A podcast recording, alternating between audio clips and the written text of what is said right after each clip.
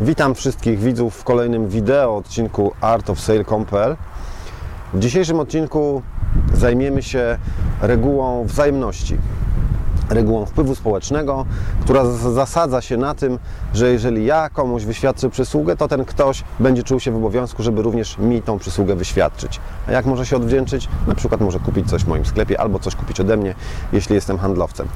Stoimy przed supermarketem czy sklepem sportowym Decathlon, ponieważ na przykładzie tego sklepu można dobrze pokazać, jak działa reguła wzajemności. Jeśli byliście kiedyś w Decathlonie, jeśli nie, to zapraszam, to możecie, jeśli przyjdziecie tam na przykład z dziećmi, to wasze dzieci mogą zupełnie za darmo pobawić się wszystkim, co w tym sklepie się zasadniczo znajduje. Mogą jeździć na rowerach, mogą jeździć na hulajnogach, mogą jeździć na wszystkich urządzeniach jeżdżąco bawiących, które w tym sklepie są. Mogą pograć sobie w piłkę, mogą robić wszystko, co chcą mogą poskakać sobie na trampolinie zupełnie za darmo.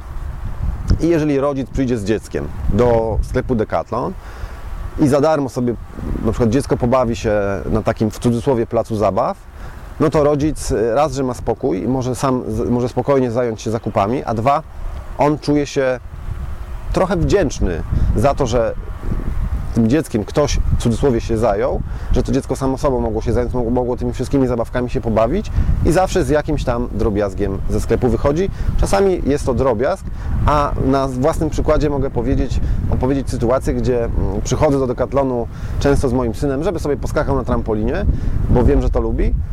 A i raz kupiłem taki drobiazg jak na przykład rower w Decathlonie. Y, Dzięki właśnie temu, że mój syn się zajął jeżdżeniem na hulajnodze, a ja mogłem w spokoju wybrać sobie rower. Czułem się wdzięczny sklepowi, że, że w ten sposób mogłem się tutaj odnaleźć w tym sklepie.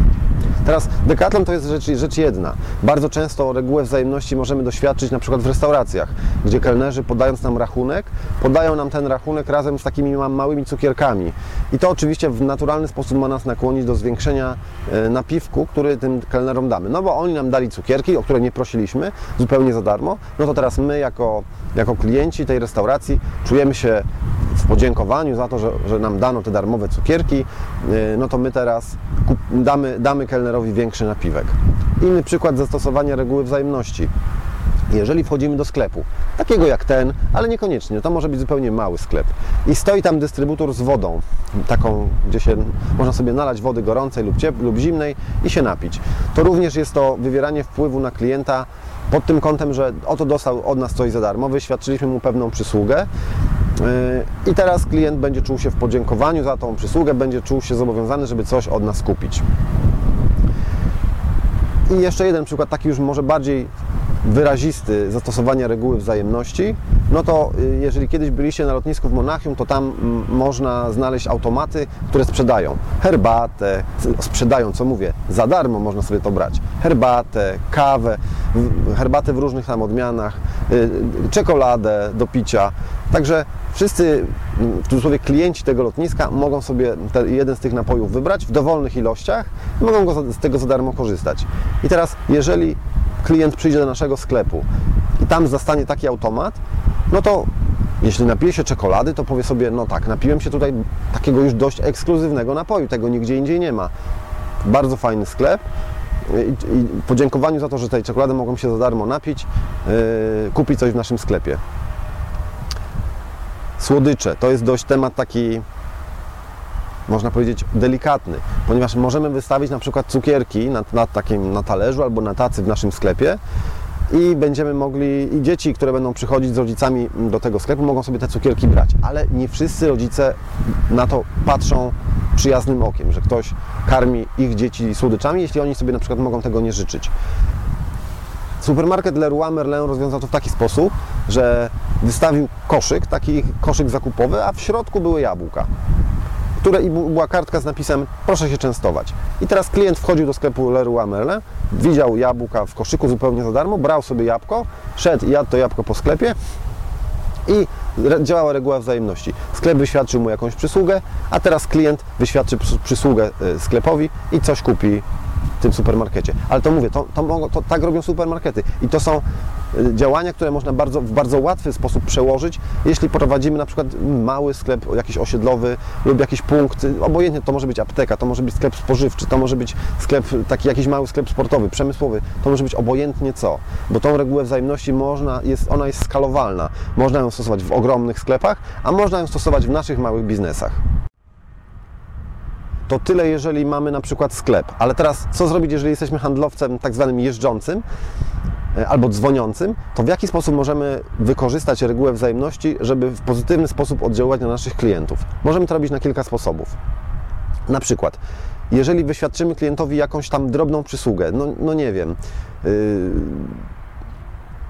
zrobimy dla niego coś, co wykracza poza nasz normalny yy, zakres obowiązków, yy, prosty przykład. Klient na przykład jest w naszym mieście i chciałby jakąś pamiątkę z naszego miasta y, wywieźć y, do domu, no to my na przykład kupujemy mu jakąś tam pamiątkę z naszego miasta albo obdarowujemy go butelką dobrego alkoholu na koniec wizyty. To wszystko są takie drobne przysługi, po których klient A lubi nas, o regule lubienia będę mówił w innym odcinku, a B wyświadczyliśmy mu jakąś drobną przysługę.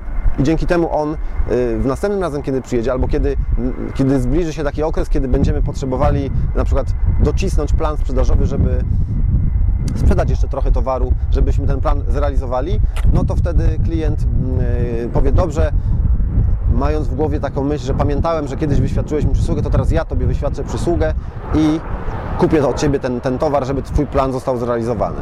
Inny przykład. Możemy na przykład powiedzieć klientowi, Drogi kliencie, z reguły w, naszym, w naszej tutaj działalności, w naszej współpracy dajemy rabat w wysokości 5%, ale specjalnie dla Ciebie dzisiaj rabat i tylko Tobie dam rabat powiedzmy w wysokości 20%.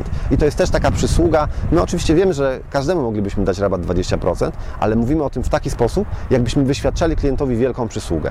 I klient mając to w pamięci, będzie pamiętał, że kiedyś on tej przysługi y, będzie się chciał zrewanżować, bo to jest też naturalna taka cecha ludzka, że jeżeli ktoś, nie wiem, wyświadczy nam właśnie przysługę, to my czujemy się zobowiązani, żeby tą przysługę oddać, bo jeżeli przez, no, mamy taki dług wdzięczności trochę i to na tej, na tej zasadzie działa.